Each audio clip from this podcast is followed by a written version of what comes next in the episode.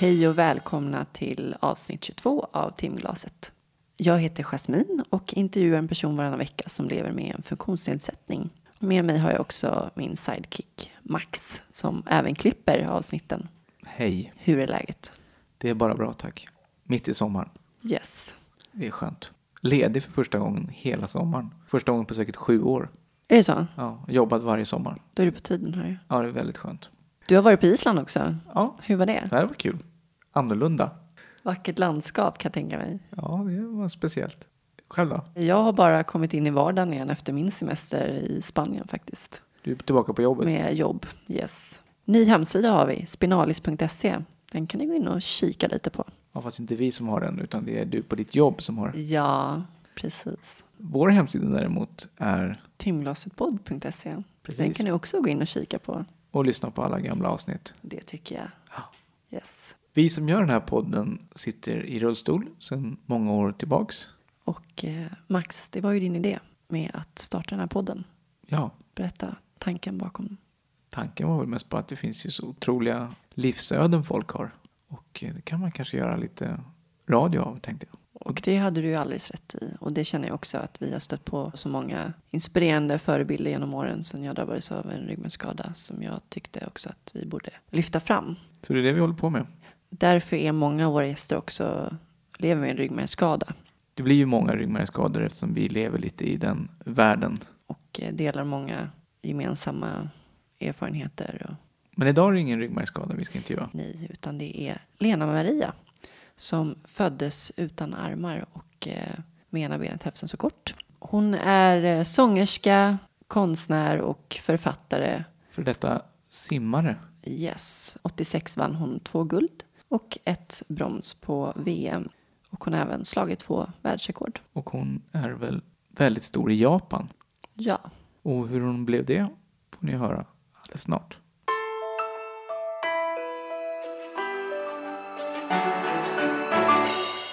Vi har inget samarbete i det här avsnittet. Så om det är någon där ute som känner sig sugen att hjälpa oss att fortsätta göra den här lilla radioshowen så får ni gärna slå ett mejl. Hör av er till oss på kontakt at timglasetpodd.se. Vore kul. Det är alltid kul med samarbeten. Ja, så vi kan göra det här i fortsättningen också. Och här kommer Lena Maria.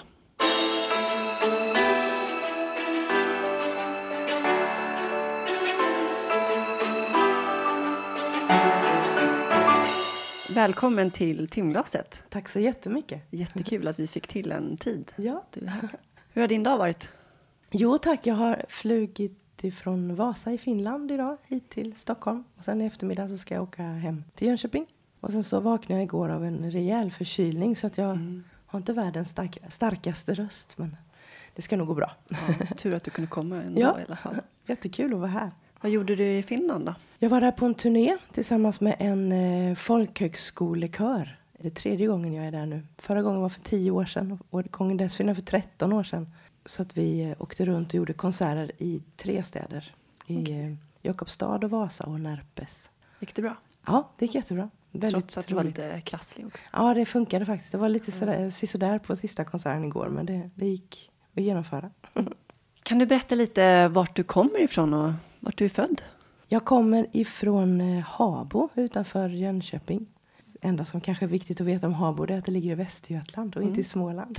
Okej. Precis på gränsen växte jag upp. Så vi hade hu- huset i, i Habo och var skrivna där. Och sen hade vi brevlådan i- på andra sidan dammen vid Stora vägen och det var Bankeryd. Och Bankeryd ligger i Jönköpings län och kommun och Småland. Så vi hade postadress i en kommun och skrivna i en annan. Är det viktigt att inte vara smålänning? Mm, Ja, när man bor där blir det det. när man skulle åka till sjukhuset till exempel så fick man ju åka till Skövde och dit var det åtta mil. Oj. Till Jönköping var det bara en.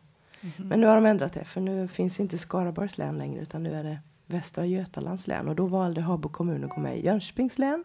Så nu eh, är det lättare för de som bor där. Ja, det Men verkar nu ju mer bor jag inte praktiskt. kvar där längre. Okej. Men du är född med din funktionsnedsättning. ja, precis. Så jag saknar armar helt och hållet och sen så är mitt vänstra ben ungefär hälften så stort och långt som det högra. Visste de om att du hade det innan Nej. du kom ut? Nej, jag född 1968 så att det var ju efter eh, Neurosedyn-skandalen. Som man vet inte alls vad mitt handikapp beror på. Men det var ju många då som fick liknande mitt handikapp där mellan 58 och 62. Och då hade vi institutioner i Skeniehemmet till exempel. Hade vi, och så, så att mina föräldrar blev ju erbjudna att lämna bort mig till institution. För vi tyckte att det var, Erbjudna. Ja, precis. För vi tyckte vi var jättebra på det då. Men eh, min pappa han sa nästan på en gång där att nej, hon måste ju ha ett hem. Och om vi nu är hennes föräldrar ska vi inte vara det hemmet då. Så jag växte upp med mamma och pappa. Så jag har aldrig bott någon annanstans. Det är jag väldigt, väldigt glad för. Hur reagerade de på när du kom och de fick veta? Jag var ett väldigt efterlängtat barn. Min mamma hon älskar barn. Det bästa hon visste när hon var tonåring det var att få sitta barnvakt. Och så hon längtade hela sitt liv efter den dagen hon själv skulle bli mamma. Och sen eh, så var hon ju höggravid då. Och sen så bodde hon hos några vänner. För pappa han var iväg på repmånad i något bergrum i Uddevalla. Och sen så åkte hon in till BB och då ringde hon pappa. Och då gick han in till sin chef och frågade om han kunde få permission och åka hem. Men det fick han ju naturligtvis inte. Det var inte så vanligt att papporna var med på den tiden. Men då gick han till en annan chef och beklagade sig att han inte fick permission. Och då sa den här andra chefen, det är klart du ska åka. Åk på en gång, jag tar hand om det här. Och det var en väldigt lång förlossning, den tog 34 timmar. Så att min pappa han han hem innan jag föddes. Och då direkt när jag, när jag föddes, då gick ronden. Så det var väldigt många läkarstuderande som var med. Så det var väldigt mycket folk i rummet där och plötsligt så föds jag och, och så är det jättemycket som inte står rätt till. Så att alla fös, föses ut ur rummet och direkt tar en sköterska och lindar in mig i en filt och bär mig till en annan del av sjukhuset. Och pappa visas ut i väntrummet och mamma blir alldeles ensam kvar där inne på rummet. Och sen efter en stund så kommer läkaren till pappa och berättar vad som hänt och sen går de gemensamt in till mamma och berättar att de har fått ett barn som, som har mina missbildningar.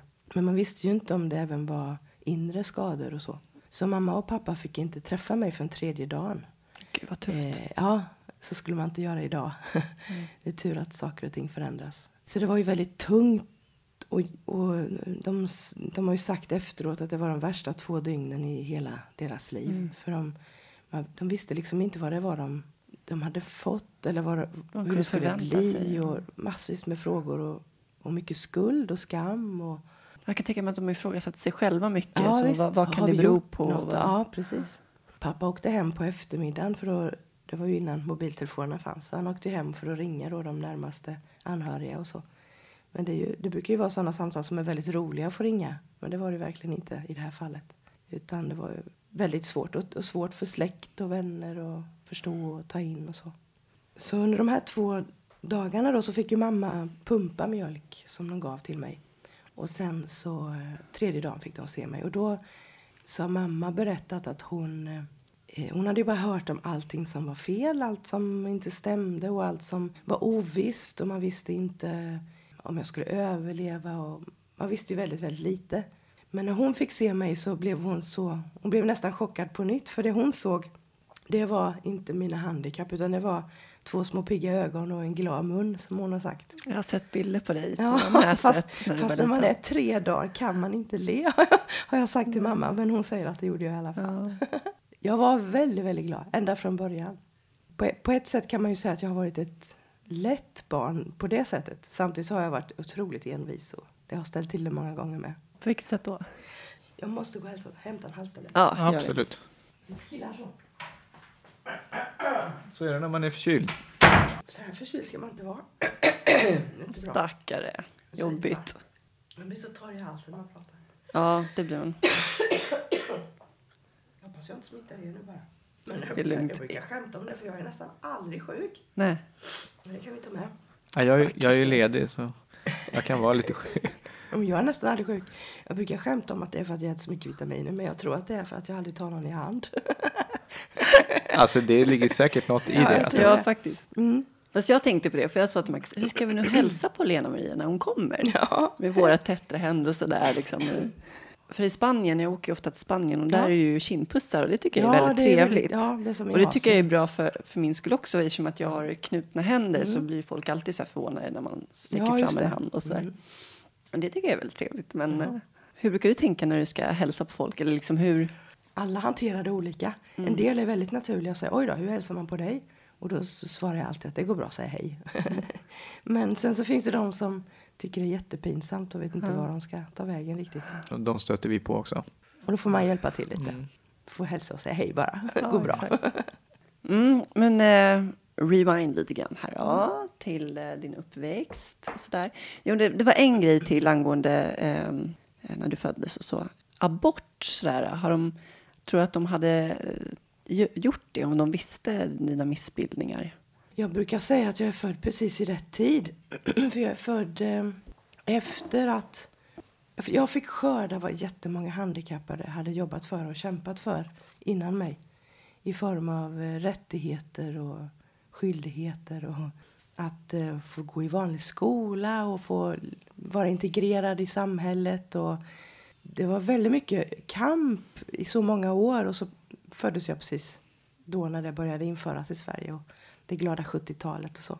Sen är jag också född före fosterdiagnostiken och det är jag också väldigt glad för för jag tror att hade jag hade de upptäckt mitt handikapp innan jag föddes så hade de säkert rekommenderat abort. Det gör man ju idag till mm ja, speciellt down syndrom och andra handikapp som man kan upptäcka innan. För vilket barn eller vilken människa har ett värdigt liv utan armar?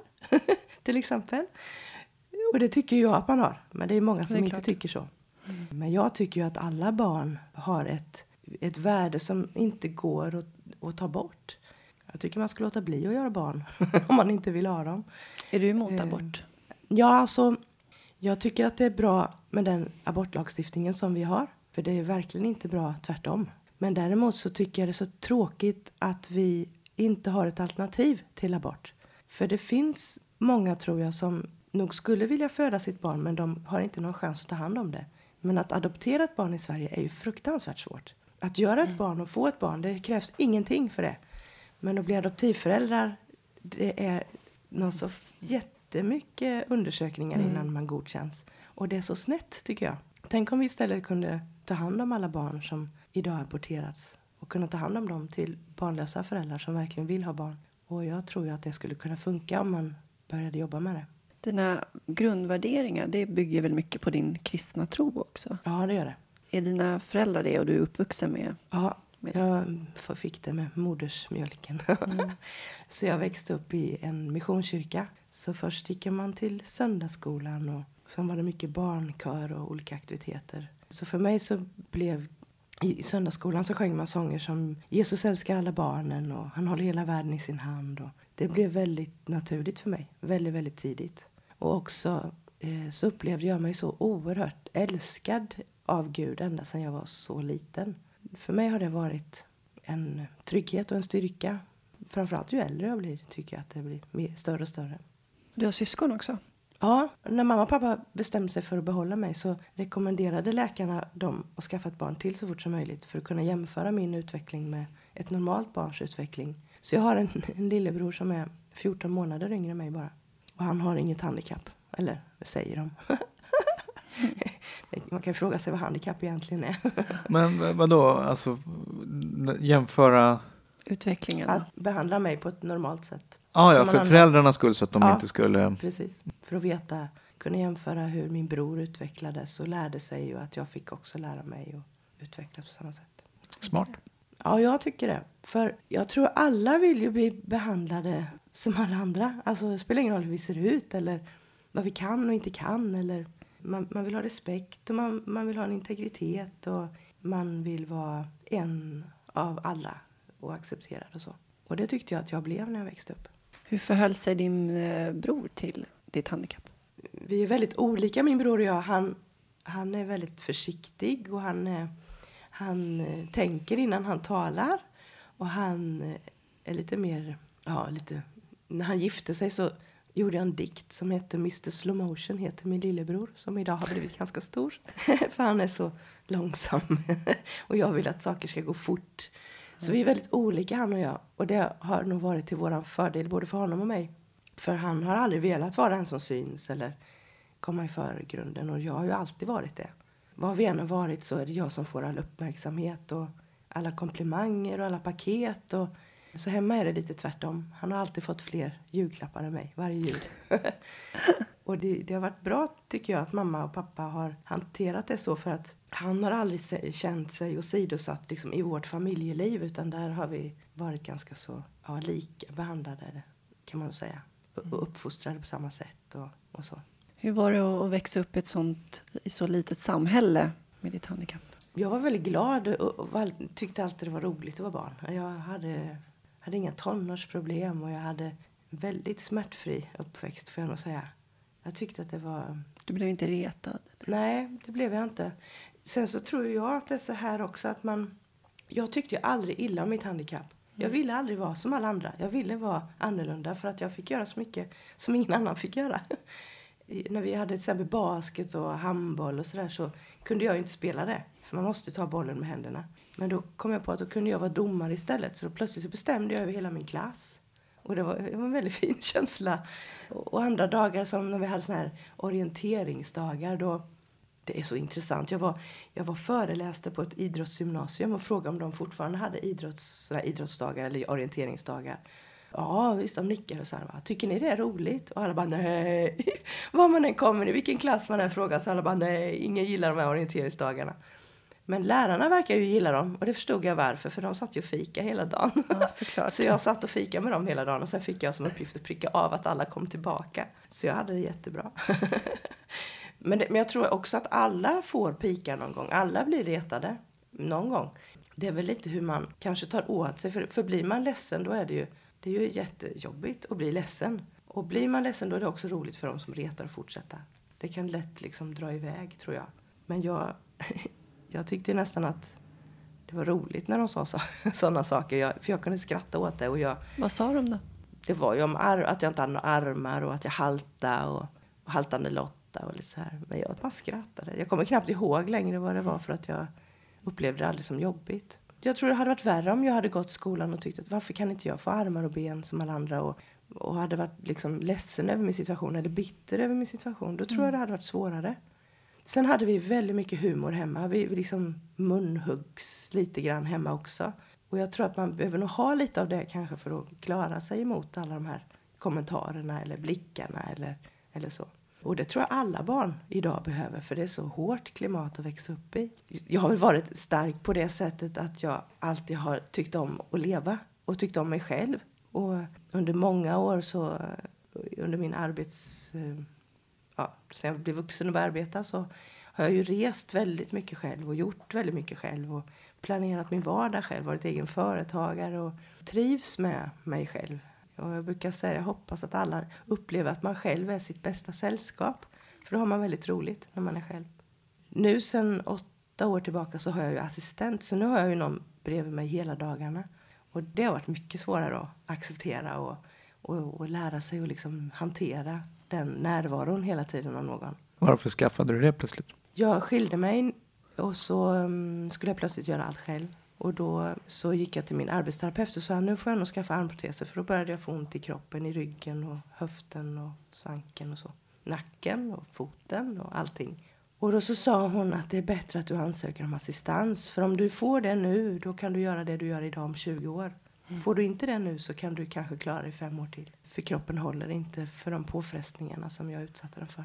Så då ansökte jag om assistans och fick det. Och det förstår jag ju nu, för nu har det gått sju år och jag, jag, kan inte idag göra allt som jag kunde för sju år sedan. Så det går, det går inte fort ut för men det går ju, man blir ju äldre. Det kände man verkligen.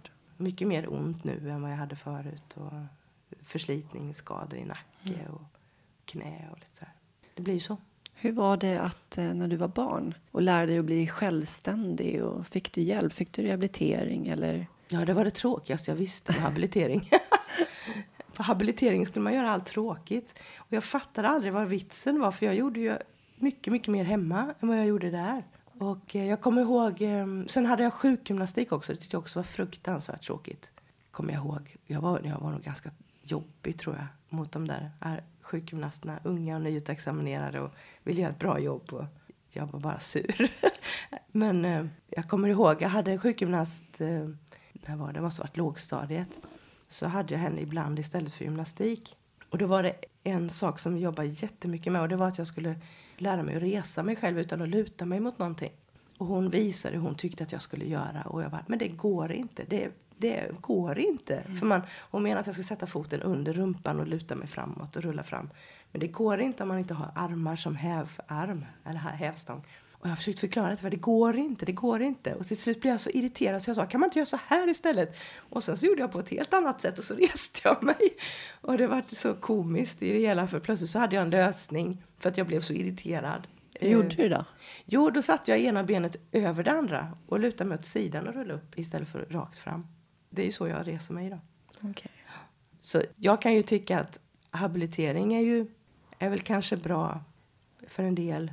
Men jag var ju så väldigt, väldigt aktiv när jag var liten. Jag började simma när jag var tre och jag spelade instrument och jag, jag var ju med på så mycket olika aktiviteter så att göra den där habiliteringen det kändes ju som att det var bara det var ju för sig när man var lite yngre. Men jag, Det var ett ont måste liksom. Ja, men det var liksom, man skulle, varför skulle jag vara där varje dag för? Det var ju uttråkigt och så skulle man vilja middag på eftermiddagen. Jag vill inte vilja middag, det hade jag slutat med för länge sedan. men det var ju så, det var så stereotypt då. Jag tror att det är annorlunda idag. Idag anpassar man det lite mer efter individen. Hur länge gick, höll du på med det då? Det gjorde jag från jag var tre år tror jag, upp till skolan började, eller förskolan började. Så man skulle ju göra det varenda dag egentligen. Men då hittade mamma på två andra aktiviteter. Så en, en dag så var vi på kyrkans sån barntimme istället. Och en dag så åkte vi till biblioteket. Och sen var jag tre dagar på habilitering. För jag tyckte det var så tråkigt. Med tanke på att du använder eh, dina fötter mycket, eller framförallt ena foten då, eller? Mm. måste ju vara ganska vig då, Ja, det. eller hur? Mm, det. Måste, måste du stretcha mycket eller eh, Nej, räcker det, med dina... Ja, det räcker att göra det Ja. jag behöver göra. Så håller man sig i form. Men nu börjar jag känna att det sliter lite också. Ja, men för det är framförallt resandet som är... Det kommer jag inte kunna göra så där jättemånga år till. Nej. För man sitter så mycket, det är så mycket stilla. Som nu när vi var i Finland i helgen. Sover man på en stenhård säng fast det är jättefint hotell och jättedyra sängar säkert. Men de är stenhårda. Ibland försöker de ordna någon mjukare madrass. Men då... Ja, det, det är jättesvårt att ordna. Jag har nog aldrig lyckats få en mjukare madrass på ett hotell någonsin tror jag. Det, är jo, omöjligt. ibland så har de en extra madrass som lägger på. Men jag tycker inte det blir mjukare. Nej. Det brukar vara så stumma madrasser. Så då, men nu, så det, det handlar ju om att, att motionera också och träna. Så att jag på vintern nu försöker jag köra pilates och cykling hemma i källaren. Och sen för två år sedan så, så byggde jag faktiskt en pool i min trädgård. Så på sommaren kan jag simma. Då har jag en sån här jetstream i en liten pool. Så kan jag ligga där och pumpa på. Det låter skönt. Ja. Men du nämnde simningen där. Ja. Och det gick du ju väldigt bra med sen också. Ja, Du eh, fick Det- en simkarriär. Eh, varför kände du att det var det liksom roligaste, starkaste intresset just då med simningen? Jag började redan när jag var tre år i någonting som heter Halliwick-simning.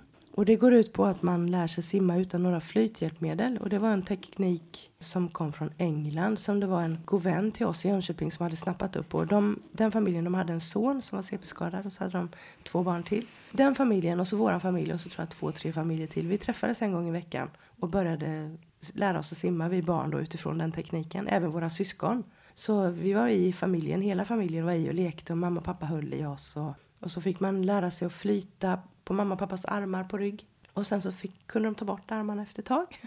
och då var jag fem år när jag kunde flyta.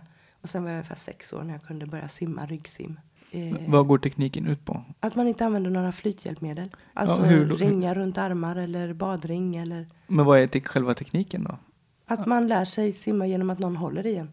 Du har inga, inga grejer du sätter på dig som ger dig flytkraft. Utan föräldrarna är med och håller i dig hela tiden. Och du får bli vän med vattnet och, och känna hur tung du är i förhållande till vattnet själv. Och, och inte bli rädd för det och så. Sen gjorde jag det upp till mellanstadiet och då tyckte jag det verkade så roligt med simhopp. Så då anmälde jag mig bara till en vanlig simhoppkurs i Varmbadhuset i Jönköping. Och så började jag göra det. Jag gjorde det i tre terminer. Och jag hoppade väldigt mycket på ett ben när jag var liten. Jag tog av mig benprotesen och så hoppade jag på ett ben i huset. Och upp och ner för trappor och, och så. För det var mycket, jag var mycket rörligare utan den där benprotesen. När jag skulle hoppa ut där på trampolinen, det var ju inte så svårt eftersom jag hade redan så bra balans. Så det gick väldigt bra för mig. Trots att jag var den enda med ett funktionshinder då mot de andra. Sen skulle vi fortsätta från tre meters trampolinen fjärde terminen. Men då fick jag inte fortsätta. För då sa han, eh, läraren där, att han vågar inte garantera hur många gånger man kan dyka från tre meter utan att liksom klyva vattnet med händerna. För vattenytan blir så hård. Ja, just det. Så han, han ville inte att jag skulle utsätta mitt huvud för det. Nej, det är sant. Så då la jag ner allt vad simning hette. För då var jag bara trött på alltihop. Och så gick jag i skolan istället. Och så sjöng jag mycket och var med i kör och lite sånt där. Sen 1983 då startade Jönköpings handikappidrottsförbund. Och då startade de också en simklubb och frågade om jag ville vara med och simma i den. Så det tackade jag ja till. Så gick jag dit och simmade lite halvhjärtat en gång i veckan. och sen efter, efter tre år, 1986, då sa tränaren att eh, det var en kille till i klubben och jag, vi hade tillräckligt bra tider för att få åka på en tävling i Stockholm.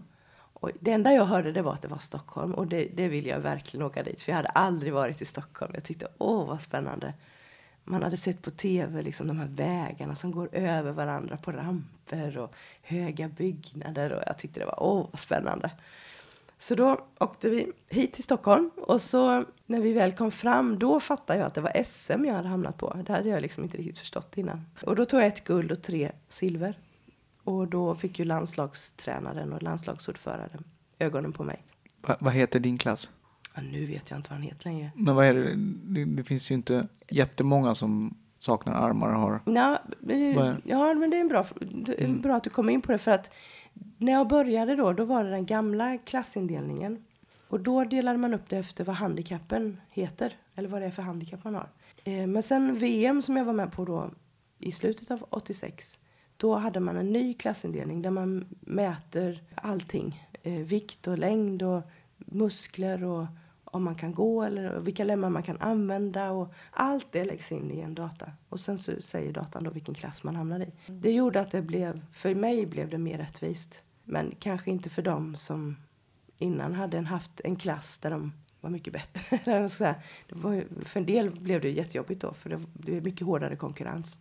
Men mycket mer rättvist blev det.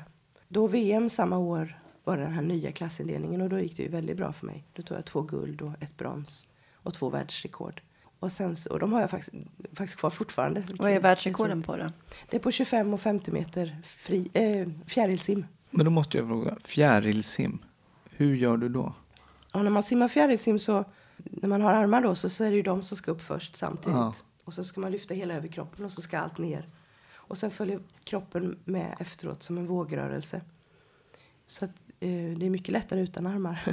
För då behöver man inte häva upp hela överkroppen på samma sätt. Så jag använder kroppen som en fisk ungefär. Som en vågrörelse. Så det är väldigt, passar min kropp väldigt bra. Och sen är det benen och fötterna då som ger kraften eller farten. Sen när jag simmar ryggsim så gör jag likadant fast jag vänder på mig. Och det är också som en vågrörelse. Och sen när jag simmar frisim då dyker jag i och sen vänder jag mig om och så simmar jag ryggsim för det är det som går fortast. Och sen så när jag kommer till kanten då vänder jag mig om och så gör en voltvändning och sen så vänder jag och sen så vänder jag mig om igen på rygg och simmar in mot kanten. Så så går det till. Men hur kändes det då när du tog två guld och slog två världsrekord? Ja, alltså först ska jag ju berätta att då var ju SM på våren och så kom jag plötsligt med i landslaget och så fick jag ändra hela min tillvaro. Man fick börja äta annorlunda, sova mycket mer, träna jätte, jättemycket mer. Och det blev en helt annan, helt annat fokus på hela vardagen kan man väl säga när man inte gick i skolan. Och sen så på sommaren så fick jag ett brev och där stod det du är här med uttagen att representera Sveriges handikappsimlandslag i VM 1986 som hålls i Göteborg. jag trodde jag skulle få åka liksom till ja, Australien eller USA Ja, eller någon annanstans. Ja, det var så surt. Men det var ju desto roligare då att det ändå gick bra. Ja, verkligen. Hur kändes det då när du stod där och tog emot medaljerna? Jag har egentligen aldrig varit en tävlingsmänniska tror jag. Jag var med i landslaget för jag tyckte det var så fantastiskt roligt att resa. Ja. Men jag tyckte träna det var uttråkigt. Att ta en medalj det var väl i och för sig roligt. Det var det ju naturligtvis. Men det var ju bara en medalj. Eller jag vet inte ens vad jag har dem idag. Men jag är nog inte någon riktig egentligen tävlingsmänniska på det sättet att jag uppskattar att ta en medalj. Men eh, det var ju roligt naturligtvis. Det är kul att stå, få stå i mitten på den översta pallen. Ja, du var så ung också. Ja, det var jag. Man kanske skulle uppskatta det mer idag faktiskt. Sen kan det också vara det att jag, jag kämpade ju egentligen aldrig för att komma med i landslaget så som en del gör. Det kändes ju lite som att jag halkat in på ett bananskal och, och jag kände att det, jag, det var inte riktigt som att jag förtjänade den uppmärksamheten egentligen. Men sen när jag väl var med i landslaget då var det ju stenhård träning så då, då hade man ju verkligen bara målet var ju medaljen liksom. Det var ju det som var fokus. Men ja, jag skulle inte göra om det idag. jag tycker det är mycket roligare att sjunga. Jag, jag har ju faktiskt varit med på två OS. Ett var ju då när jag simmade. Men sen var jag med tio år senare på vinter-OS i Nagano. Och då sjöng jag på invigningen. Det var mycket, mycket roligare kan jag säga. Ja, det måste varit mäktigt. Ja, det var jättehäftigt. Det var hundratusen i den här arenan och kejsaren och hans fru var där. Och, och så alla dessa idrottare på golvet i alla dessa olika färger. Och, så pampigt och tjusigt. Och, så det var väldigt roligt. Var det, sjöng du på Paralympics eller? Ja, på invigningen. Så det var ju bara japanare som uppträdde för övrigt. Eh, och sen fick min pianist Anders Wik och jag också framträda då. Så det var stort. Ja, det var storslaget. Jag kommer ihåg den invigningen. Det var riktigt coolt. De är bra på det där, japanerna. Ja, väldigt bra. De är så duktiga. Jag var ju känd i Japan då. Det var ju därför jag fick vara med. Och då, dagen innan. Jag blev känd genom ett stort nyhetsprogram som visas mellan 10 och 11 varje kväll. Så kvällen innan invigningen så fick jag vara reporter för programmet och rapportera direkt ifrån arenan och hur det var och För du pratar ju japanska också? Nej, så, nej det gör jag inte. Nej. Utan jag pratar engelska och så simultantolkas det i direktsändningen då. Men det var ändå häftigt att få vara reporter ja. också. Det var jätteroligt tyckte jag. Men hur ja. var det med simningen sen då? Ja, den la jag ju ner 1988 då efter mm. OS. Och sen har jag bara använt den som motion. Eh, när jag sökte till gymnasiet i Jönköping då skulle jag söka social linje. Men så fick jag höra att den fanns kombinerad med musik och det tyckte jag, det lät ju lite roligt då. För jag har alltid tyckt om musik och sjungit i kör och hållit på och sådär. Men då var det skyhöga intagningspoäng och jag hade inte så bra betyg när jag gick i skolan. Så fick jag höra att det var några platser som de skulle ta in på så kallad frikvot. Så då fick man åka dit och visa upp vad man kunde. Så att jag spelade kyrkorgel då. Då hade vaktmästaren i kyrkan byggt två stora plintar, en halv meter höga ungefär, som som ville under själva kyrk, alltså den här bänken framför orgeln. Så att mina fötter kom upp i rätt höjd och jag kunde spela. Du spelar med båda fötterna? Ja, precis. Och så det visade jag. Och sen så eh, sjöng jag lite och gjorde lite andra prov. Och så. Sen så när lärarna pratade med mig efteråt så sa de att jag någonting inom musikens värld, det kommer hon ju aldrig kunna bli. Men det kan ju vara stimulerande för hennes handikapp. Så jag kom in, så gick jag där och stimulerades i tre år. det var roligaste tre åren tror jag i hela mitt liv. Och sen efter de här tre åren då var det ovanligt många i min klass som sökte till Musikhögskolan, eh, både här i Stockholm, Göteborg, Örebro och lite sådär. Och då hade jag varit ute och sjungit en del på helger och ibland varit på äldreboende med dementa och, och lite blandat sådär. Och då märkte jag hur musiken berörde på ett sätt som inte ord kan och inte beröring kan, utan de rullade in de här gamla människorna som satt som hösäckar i sina rullstolar och rörde inte en min, tittade inte ens upp. Och, och så började jag sjunga och plötsligt så vaknade en del och liksom tittade upp och började sjunga med. Och, och musik går så otroligt djupt i oss eh, som, som vi inte når annars. Och då sökte jag en utbildning i Stockholm där man skulle ha en tydlig målbeskrivning och då skrev jag det att jag ville jobba med musik i, i terapeutiskt syfte för gravt dementa eller gravt handikappade. Och, för jag tyckte det var så intressant vad musiken kan göra med oss. Och hur det kan liksom låsa upp rum inom oss som man inte trodde man nådde längre och så. Och så var vi 200 sökande i Stockholm. De skulle ta in fyra stycken så det var, liksom, det var ju bara att inse att det kommer ju aldrig att gå. Men jag åkte dit ändå så sökte jag och sjöng och spelade och eller ja, gjorde massa musiktester. Och sen gick jag vidare till andra omgången, vilket förvånade mig, men det gjorde jag. Och då fick man göra en grej som man valde själv vad man vill göra. Så då hade jag med mig min synthesizer och så spelade jag där med fötterna och sen så sjöng jag den här sången. Nu ska vi se om jag kan sjunga. Idag är det skönt, fint överallt, lagom grönt fast lite kallt. Och vinden blåser i nordväst, i hagen står en skruttig häst. Ja, allting skulle vara så kul ifall jag inte var så ful. För öronen är röda, står rakt ut och näsan pekar uppåt som en strut. Och fräknar har jag en miljon och kinder som en kalikon. Jag liknar faktiskt mest av allt en get fast mamma säger att jag är det sötaste hon vet. Och så fortsätter den så två verser till. Och sen till min jättestora förvåning då så kom jag in på den här linjen. Så jag brukar hävda att det var för de tyckte synd om mig där med. jag tänkte säga, det måste ändå varit som en revansch. För där kom du väl ändå inte in på grund av ditt handikapp? Nej, det gjorde jag nog inte. Det tror jag inte. Jag, jag kom nog in för att de såg potential i Ja. vad jag hade att framföra. Precis. Det tror jag. Men det var fantastiskt. Då flyttade jag till Stockholm, flyttade hemifrån. Hur gammal var du då när du kom in där? Ja, det var efter tre nu. Vad var man? 19 var man Mm. väl, tror jag. Det året fyllde man 19 när man flyttade upp. Det är ganska tidigt. Men då klarade du dig, då körde du helt själv. Ja, jag hade hemtjänst en gång i veckan då när jag flyttade upp. Som kom. Men när det kom en ny person var tredje vecka då tröttnade jag. Så då sa jag upp det efter några månader. Och så tänkte jag att det är bättre att jag gör det själv. Jag behöver inte göra det varje vecka. jag behöver inte städa så ofta. Så sen gjorde jag det själv. Och sen gjorde jag det ända fram till då för sju år sedan. Hur var det nya livet då i Stockholm och Musikhögskolan? Och hur såg de åren ut? Jag trivdes jättebra i Stockholm. Jag trivs fortfarande väldigt bra i Stockholm även om jag inte bor här längre. Men eh, Vart bor du? nu har jag flyttat i- för fem, sex år sedan. Flyttade jag tillbaka till mina hemtrakter. Fast jag bor i Jönköping nu då.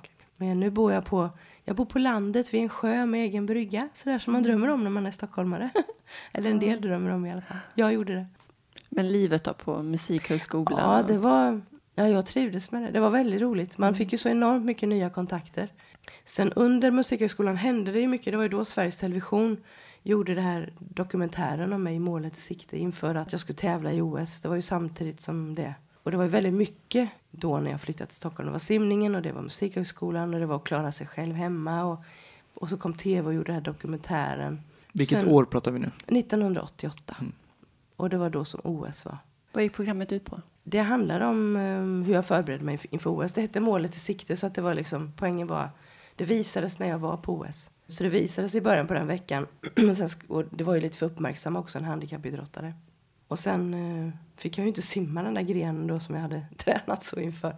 Så det var ju sådana rubriker. Det var ju ganska roligt. Jag var inte så ledsen själv. Men det var kul att se att det reagerades hemma liksom. Och sen efter OS så, så la jag ju ner och, och, och simma. Och då kunde jag tacka ja också till alla förfrågningar som kom.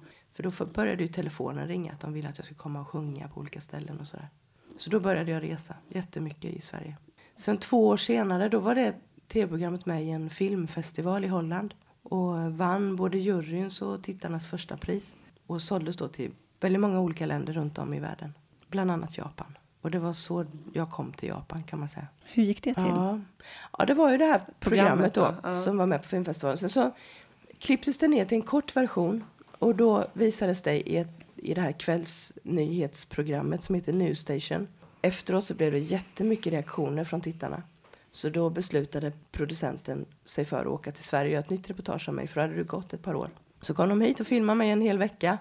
Var med mig på någon framträdande på Öland kommer jag ihåg och här i Stockholm när jag gjorde allt. Och de låg på motorhuven och filmade in i bilen när jag körde. Jag var livrädd att de skulle trilla av.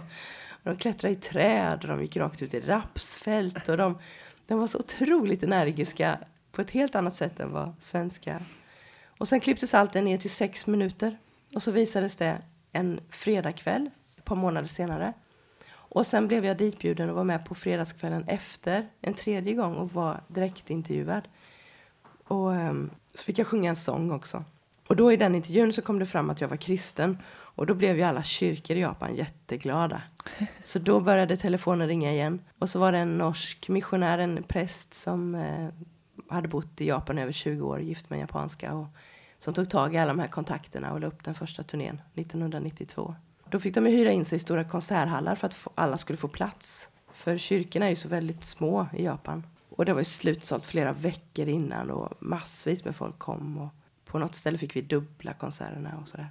Men varför tror du att du har eh, kommit in i folkhemmet där? Jag menar, du är så otroligt etablerad artist där. Alltså för en japan är arbetet det viktigaste. Man, man arbetar och man stiger i graderna. Och liksom, det är därför man lever, för att arbeta.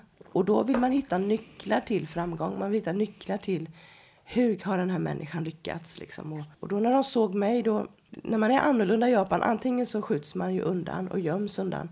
Eller så höjs man till skyarna.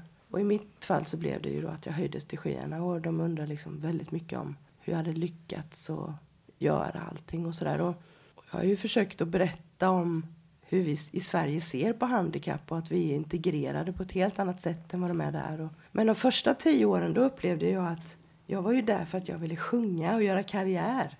Och det var därför jag var där. Så jag var inte så intresserad av, av frågorna om mitt handikapp.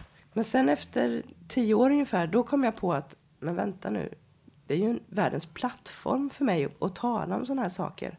Så då började jag prata mer om äh, mänskliga rättigheter och den lilla människans unika värde och att, att alla människor ska ha samma rätt att finnas i ett samhälle och att alla ska få synas, alla ska få leva. Och jag tror ju på ett samhälle när alla får plats så tror jag vi blir färgstarkare och rikare på så många olika sätt.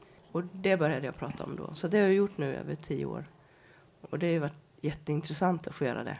Jag läste också att du tycker om att köra bil. Ja, jag älskar att Hur går det då? Jag styr med högerfoten på ratten. Så jag sitter ganska högt med höger fot. Eller i en bil så provade jag att ha ett platta på golvet och styra med. Men jag fick, fick ju panik. För jag, kunde, jag är så van att ha foten så högt hela tiden. Så jag kunde inte sitta i flera timmar och ha den på golvet. jag fick nästan kramp i, i låret. Ja. Och sen är gasen och bromsen förlängda upp till den lilla foten som jag har vid, vid knähöjden då på vänster sida. Så den gasar jag och bromsar med. Och sen på ratten så har jag som en fjärrkontroll för blinkers och hela halvljus. Och, så den trycker jag på samtidigt som jag styr. Och sen en automat. Och sen är ba- sätet bakflyttat lite. För att det ska vara lättare att sitta. Jag måste bara fråga, lilla foten säger du? Mm. Alltså är, är det bara ett kort ben eller vad är Mm, det är hälften så långt och stort som höger. det? är liksom ett litet miniatyrben? Eller? Ja, foten är mycket mindre än höger och jag har bara fyra tår. Men fungerar liksom? Ja, jag använder tårna när jag spelar eller stickar eller lagar mat. Eller så fort jag ska göra något så använder jag ju båda fötterna i, i regel. Och då åker protesen av. För då är den bara vägen oftast. Fast jag jag har på den när jag kör bil. Konstnärskapet då? Du eh, tyckte om att måla redan som liten. Ja, det började jag, det har jag gjort så länge jag kan minnas. Då målade du med foten. Ja, för det mesta. När jag gick i skolan då, då hade jag en specialanpassad bänk så den var lika hög ungefär som stolen var. Men sen så när vi skulle börja gymnasiet då sa rektorn att det var för dyrt att fixa en sån bänk i varje klassrum vi skulle vara i. Så då undrade han om våran klass kunde vara i ett enda klassrum. Och det tyckte jag var ju helt galet. Jag vill ju inte att min klass ska göra på ett annat sätt bara för att jag behövde hjälp. Så, så sa jag att nej, men jag kan nog sitta vid en vanlig bänk istället. Så då provade jag det och det gick jättebra. Det är bara det att foten somnar ju efter en stund när man har den så högt mot kanten, bordskanten. Så då ehm, när han hade somnat går det ju inte att skriva. Så då te- började jag testa att ta pennstumpar med munnen och skriva istället. Så då övade jag upp och skriva med munnen. Så att nu när jag målar idag så om jag står vid ett staffli till exempel och gör en ganska stor tavla då målar jag hellre med munnen. Men sitter jag, sitter jag och målar litet då, och pilligt då använder jag alltid foten. Så fortfarande är jag ju mer uppövad med foten än vad jag är med munnen. Vad har du för inspirationskälla då? Till konsten. Mm. Jag har ju tagit över manteln från Charles Axelsson inom fot- mun och fotkonstnärerna och skriver de här breven som följer med våra utskick. Och han var ju en fantastisk konstnär som jag beundrar oerhört mycket. Väldigt, väldigt duktig. Han eh, jobbade med kungens hästar. Han var hästskötare här i Stockholm. Och sen så eh, råkade han ut för en olycka och bröt nacken så han totalförlamades. Det var bara munnen och huvudet lite han kunde röra. Men då började han måla och sen blev han en sån otroligt duktig konstnär. Och han målade mycket sådana motiv då från stallet och sådär. Sen så växte jag upp i Habo där också Sune Fick kommer ifrån som också är en av de som startade mun och fotkonstnärerna. Han lever inte heller längre. Och han, eh, han praoade jag hos när jag gick i åttan. Och han var också en stor, stor, han var ju en lärare också men också en inspirationskälla. Och eh, lärde mig väldigt mycket om hur jag skulle tänka och hur jag ska hålla penseln. Och, Är det en förening det där? Ja, Mun och fotkonstnärerna, vi är en förening med ungefär 700 konstnärer från hela världen. Och här i Sverige är vi bara nio stycken. Så få. Ja, nu var jag i Finland och där är de sju stycken fick jag lära mig. så vi är inte så många här i Norden. Men vi är de som kanske egentligen säljer mest reproduktioner av vår konst. För det är den man upplåter åt föreningen. Reproduktionsrätten. Men konstverken är ens egna. Kan man se dina tavlor någonstans? Ja, vi har ett permanent galleri, Mun och fotkonstnärerna, där vi också har vårt förlag. Och det ligger på Bergshamra torg i Solna. Galleri Mun och fot. Sen kan man ju se på vår hemsida, Mun och fotkonstnärernas hemsida. Och på respektive konstnärs hemsida också. Och sen eh, jag till exempel, jag har ju en affär i Jönköping. En butik där jag säljer väldigt mycket olika varor men också mina egna konstverk och reproduktioner. Om man känner att man skulle platsa in i er förening, hur går man tillväga? Då kontaktar man förlaget i Stockholm och sen så skickar man in sina tavlor och så skickas de till vårt huvudkontor i Liechtenstein och där bedöms de och då kan man bli stipendiat. Det är det första skedet. Och sen om man är tillräckligt duktig så kan man också bli medlem. Men det är inte jag. Då måste man nästan satsa heltid på konsten och verkligen vara väldigt avancerad. Men stipendiat kan man bli och då får man en liten månadssumma varje månad som täcker materialkostnader och, och lite så. Ja, det kostar ju lite att måla. Ja, det är det. Det är dyrt med Men roligt. material. Väldigt roligt. Vad håller du mest på med nu då? Musiken eller konstnärskapet? Musiken är nog det som tar mest tid. För jag reser så mycket och resorna tar så väldigt men Själva sjungandet i sig. Ja, Man står där från scenen, det är ju inte så långt stund. Men det är ju allting runt omkring som tar så väldigt mycket tid. Men jag målar parallellt. Just nu håller jag på med en jättestor tavla med en lilja på. Det är jätteroligt. och nu när det börjar bli ljusare och man får mer dagsljus så det är mycket roligare att måla då. Så sommaren är då jag målar mest. Vintern reser jag mest. Och så har du skrivit böcker också. Ja, Fotnoter är en självbiografi som handlar om ditt liv. ja, precis. Den skrev jag för 19 år sedan. är det nu? Vad har du inte gjort? Ja, precis. Åh, jättemycket. Vad, vad står på tur? Ja, men jag uppfyllde lite en dröm förra året när jag öppnade min butik Lena Maria i Jönköping. För det har jag alltid velat göra. Ha en butik med presentartiklar och... Jag måste ju ha mitt kontor någonstans. Och så när jag haft mitt kontor så har jag haft mina tavlor och böcker och skivor och, och sådär som folk kan komma och köpa när jag är där. Men sen så har jag tänkt att men tänk, man kan ju sälja mycket mer vackra saker och så nu förra året så var jag lite ledig i januari, februari. Det är ju livsfarligt för då kommer man ju på vad man ska hitta på. Men då eh, bestämde jag, då fick jag ta på en lokal också. För den lokalen jag hade tillsammans med ett annat företag, vi började bli så trångbodda. Framförallt dem. Så då började vi leta efter en ny lokal. Och då hittade jag den här lokalen och då kände jag bara yes, nu är det dags. så då åkte jag till Formex-mässan här i Stockholm och så köpte jag in massa varor. Och så startade jag. Så nu firar jag ettårsjubileum här i vår, 15 april. Har du någon kärlek i livet? Nej, där är det väldigt torrt just nu. Ingen kärlek. Eller ja, mamma och pappa förstås. Och min bror och mina syskonbarn och mina gudbarn och vänner och så. Men jag har ingen, ingen man just nu i mitt liv. Men Du har varit gift. Ja, det har jag varit. Vi var gifta i 11 år. Men det är ganska många år sedan nu som vi skildes. Så att Det är väl på tiden kanske. Men jag, är så, jag tror jag är för kräsen. jag träffar så jättemycket folk och så tycker jag, nah, det ska vara bra. Det ska vara bra. När fick du beröm senast? Ja, det var i helgen. När jag sjöng så fick jag mycket beröm av alla som köpte skivor efteråt. så det var senast. Men det roligaste berömmet att få det är ju när man får det från nära och kära. Det är det roligaste berömmet. Vad får du generellt sett för bemötande? Om man vänder på frågan så är det väldigt, väldigt sällan som jag upplever någon som är elak eller dum. Utan jag möts av väldigt mycket beundran och komplimanger och, och så. Eh, Så jag är väldigt bortskämd när det gäller det. Det borde alla få vara, tycker jag. Vad är lycka och vad betyder lycka för dig? Lycka tror jag är när man är tillfredsställd i livet. Att, att, man, att man får känna att man, eh, att man älskar livet. Att man älskar sig själv. Man, att, att man också är älskad. Det tycker jag är den största lyckan. Det är egentligen inte så mycket vad man åstadkommer eller, eller om man har mål som man når. Utan det ligger mer på ett eh, relationsrelaterat nivå. Alltså man, det är när man interagerar med andra människor, när man får känna sig betydelsefull för andra och när man får älska och bli älskad tillbaka. Det är för, är för mig lycka. Om du fick leva om ditt liv, skulle du göra någonting annorlunda då? Ja, det där är en svår fråga. Jag hade nog gjort likadant, för man visste ju inte bättre. Men jag hade faktiskt velat, jag hade velat ha, eller jag hade velat födas utan armar. Men jag hade nog velat ha två lika långa ben. Det hade varit mycket enklare. Men man kan ju inte önska sig det. men man, eh, nej men jag måste säga att jag är lyckligt lottad. Jag har fått så mycket. Och jag är så tacksam för mitt liv. Och, så det är inte så mycket annat jag skulle vilja göra annorlunda, tror jag inte. Har du blivit diskriminerad någon gång? Nej, jag upplever det inte så.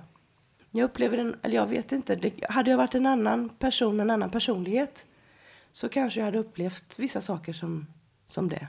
Men jag tycker att det ofta är, när man får lite konstiga bemötande, det är ofta för att människor inte, de blir så osäkra hur de ska bete sig. Och då kan det yttra sig i att antingen så blir de eh, elaka eller att de eh, uttrycker sig klumpigt eller men jag kan inte säga att jag har blivit diskriminerad. Inte här i Sverige i alla fall. Jag hade en väldigt spännande upplevelse. Jag, jag bytte plan i Peking häromsistens. Jag har aldrig varit i Kina innan. Och då har jag alltid rullstol när jag är på flygplatser. Och där ville de inte prata med mig. De ville prata med den som var med mig. Och hon tittar ju bara på mig, så jag får prata. Och så, eh, han ville verkligen inte prata med mig. Och sen kom vi till nästa person som skulle ta hand om oss. Och, Och när du började prata då, vände han inte sig mot dig då? nej, han hade jättesvårt att prata med mig. För jag var egentligen inte riktigt en människa tror jag, för honom. Gud. Och det var väl kanske den enda gången jag upplevt diskriminering på det sättet. Men jag, jag är ju så, jag vet inte om jag är dum, men jag, jag liksom kan ju gå runt och prata och titta liksom från andra hållet och liksom prata med mig nu. och sådär. Sen var de inte så bra på engelska så det är klart det var ju det hindret också. Men, men man märkte där att de ville liksom bestämma allting över mig, över mitt huvud. Så jag gjorde ju som jag ville och de blev ju alldeles tokiga. För de ville att jag skulle vänta i gaten då. Och jag sa att ja det kan jag göra. Så jag. Och sen när de gick då gick jag ju shoppa. Och så kom jag tillbaka och då var jag ju inte där. Men jag var ju där i god tid till vi skulle gå in på planet. Så de, var, de tyckte nog att jag var jättejobbig. Jag tyckte det var jätteroligt. Vad skulle du vilja säga till någon som aldrig har träffat någon som lever med någon slags funktionsnedsättning? Jag kan ju tycka att vi alla har på sätt och vis funktionsnedsättningar. De flesta syns ju inte. Och det var lite som jag skämtade om innan där att min lillebror hade är också ett handikapp på ett sätt. Just för att han alltid kom i skymundan för mig. Och, och det beror lite på vad vi lägger in kanske just i ordet funktionsnedsatt. För på ett sätt så är vi ju alla det när vi hamnar i olika situationer. Jag känner mig handikappad idag när jag inte kan använda min röst som jag brukar till exempel när jag är hes. Men jag känner mig inte handikappad när jag sätter mig i bilen och kör med fötterna. Så jag, jag tycker att när, varje gång man träffar en ny människa, oavsett om man ser ett funktionshinder eller inte, så ska man behandla varje människa man möter med respekt och med omsorg och med omtanke och med kärlek. Och eh, med en slags... Eh, det spelar ingen roll om det är kungen jag möter eller om det är någon på gatan jag möter. Eller om det är någon som är blind eller om det är någon som eh, inte pratar svenska. Eller om det är det kan, ju, det kan ju vara så oändligt mycket olika funktionshinder som vi då alla, tycker jag på sätt och vis har. Mer eller mindre i alla fall. Men det viktiga är ju att vi behandlar varandra med respekt och omtanke. Vad är frihet för dig? Frihet, det är att få leva i ett samhälle på lika villkor. Om man som jag då till exempel har en funktionsnedsättning och behöver assistans, att man får det. Att man eh, får gå i en vanlig skola, att man får utbilda sig till det man vill, man får bo där man vill. Men naturligtvis under samma konkurrens och, och liksom samarbete som alla andra måste göra. Det är ju väldigt svårt att allt ska bli rättvist. Det går ju inte att leva i ett samhälle där allt blir rättvist. Det går inte mellan syskon heller. Det går inte ens mellan tvillingsyskon som är precis identiskt likadant. Utan livet är orättvist tror jag. Men just att få ändå bo och leva i ett samhälle där man får leva på samma villkor med samma rättigheter och skyldigheter och eh, omsorg från varandra. Det är för mig frihet. I ett regelverk som fungerar och under vissa ramar och regler. Men ändå där man har rättigheter. Det skulle nog vara frihet för mig. Vad har du sett för förändring i samhället under ditt liv? Ja, jag tycker att det har blivit sämre i Sverige. Sen blir man ju så ledsen och så irriterad och arg tycker jag. När liksom saker som blir väldigt bra utnyttjas på fel sätt och förstör för så många. Men så är det ju, har det alltid varit i alla tider. Allting utnyttjas av några få personer och förstör för så många andra. Men jag tycker att det är fruktansvärt det här att den här LSS-lagen som kom med assistans och att det, det blev ju så bra. Men att, eh, att kommuner försöker hitta sätt att dra ner timmar och att man ska plötsligt bli beroende av nära och kära igen. Nu har inte det drabbat mig. Jag tror inte de vågar göra det eftersom jag är en offentlig person. Men jag vet ju många hemma som har fått mycket mindre assistanstimmar och blir plötsligt mycket, mycket svårare att leva sina liv. Blir mycket mer beroende av sin gamla mamma eller alla andra anhöriga. Och det, jag tycker det är så tråkigt att det går åt det hållet när vi har ett sånt bra samhälle. Sverige var ju ett land som Japan bland annat såg upp väldigt mycket till för vår integrationspolitik och för hur vi hanterade sjuka, dementa, handikappade. Och idag så är vi ju inte på frontlinjen längre. Idag har vi ju kommit efter. Andra länder har tagit över och är mycket bättre än vi. Och jag tycker att Sverige borde vara på, fram, på frontlinjen och vara liksom först med saker och på hugget liksom att ha det bra för våra invånare. Men det tycker jag har backat och det är väldigt tråkigt. När du växte upp, hade du någon förebild? Nej, jag hade inte det faktiskt. Förebilderna blev ju de som kompisarna tyckte liksom om. Eller alltså man pratade om vissa idoler och vissa, man lyssnade på vissa låtar och vissa artister och man, man hade folk sådär. Men jag fick den frågan jättemycket då när jag började sjunga och då när jag började liksom bli stor, om man säger så, vid 20-årsåldern. Och då fick jag ofta den frågan, har du haft någon, någon idol eller någon förebild eller så? Men jag har aldrig haft det riktigt. I så fall skulle jag nog säga mamma och pappa. För de tycker jag många gånger hanterade det så sunt. Och de lärde mig så mycket om... De, de gav mig både självkänsla och självförtroende. Och hur de lyckas med det vet jag inte riktigt. Men jag känner mig oerhört lyckligt lottad för att jag fick en sån barndom och fick såna föräldrar. Och eh, alltid har känt mig så oerhört älskad. Och du hade inga förebilder inom handikappsvängen? Någon äldre? Ja, men jag kände mig aldrig handikappad. Ja, men du var ju det. Jo, jo, men det är ju alla. Eh, men jag tänkte alltid så när jag var liten att jag var som alla andra. Jag upplevde mig alltid som alla andra. Den enda skillnaden var att de använde händerna och jag använde fötterna. Jag kunde aldrig dela upp det så som jag upplevde att vissa vuxna gjorde. Och speciellt när man börjar skolan och man träffar lärare och rektorer och alla skulle ju ha så mycket information innan man börjar. Och jag tyckte det var så konstigt. Jag är som alla andra. Det är bara att behandla mig som alla andra. Sen tar jag pennan med foten och de tar pennan med handen. Men annars, men det är ju, annars är vi ju likadana. Vi går i samma klass, vi ska göra samma saker, vi ska lära oss samma saker. Så jag upplevde aldrig vi och dem-känslan tror jag. Utan jag upplevde att jag var precis som mina kompisar. Vi såg lite olika ut men det gjorde ju de med. Och så tänkte jag alltid när jag växte upp. Varför vet jag inte. Men jag har ju aldrig varit engagerad i handikappföreningar. Jag har aldrig varit engagerad i liksom, handikappfrågor och det har inte mina föräldrar heller varit. Så den första gången jag egentligen kom i kontakt med handikapp det var ju när jag lärde mig att simma. Och sen när jag var med i landslaget. Då fick jag ju vänner med olika funktionsnedsättningar. Fast jag, tyck, jag tycker ju alla har ju sina problem. jag tycker alla att vi sitter i samma båt. Vi sitter ju alla liksom i, vi lever i det här samhället, vi ska fungera tillsammans och vi ser alla olika ut, vi är bra på olika saker, vi kan olika saker, vi vi har olika personligheter och vi kompletterar varandra så bra allihopa, tycker jag. Just för att vi är så olika. Och ju mer man på något vis bejakar det så tror jag att man tjänar på det i samhället. Att, man, att alla får vara med. Alla är bra på något som man kan bidra med och ge till sin omvärld. Man väljer själv hur man vill leva sitt liv och man väljer själv också hur, där, också hur man påverkar de man har runt omkring sig. Och vi är alla väldigt olika. Och vi har olika slags påverkan på varandra. Och man klickar med vissa människor. Man tycker väldigt, ja, man klickar inte med vissa människor helt enkelt. man är så olika. Och jag tycker det är bra. Jag tror det är jättebra. För jag tror inte på det här att vi ska vara likadana allihop. Jag tror inte det går. Tack så mycket Lena Maria Ja. för att du kom. Tack så jättemycket. Väldigt roligt att få vara här.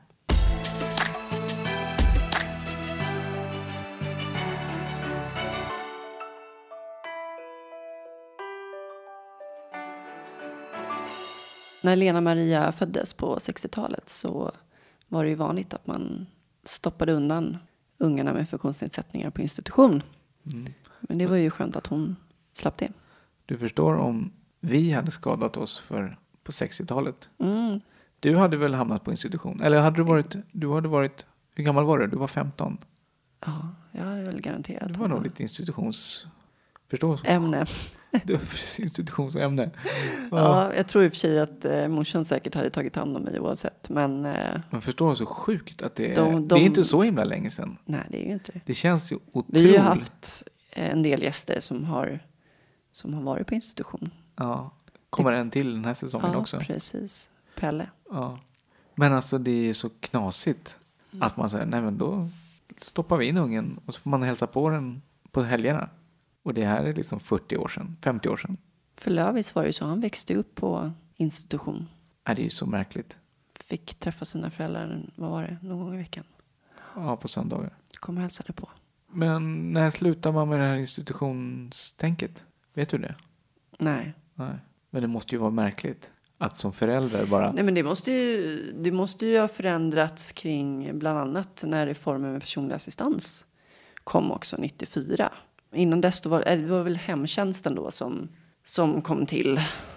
Måste det ju varit kring 80 och 90-talet. Mm, nästan som att bo på institution då också fast hemma. Ja, precis.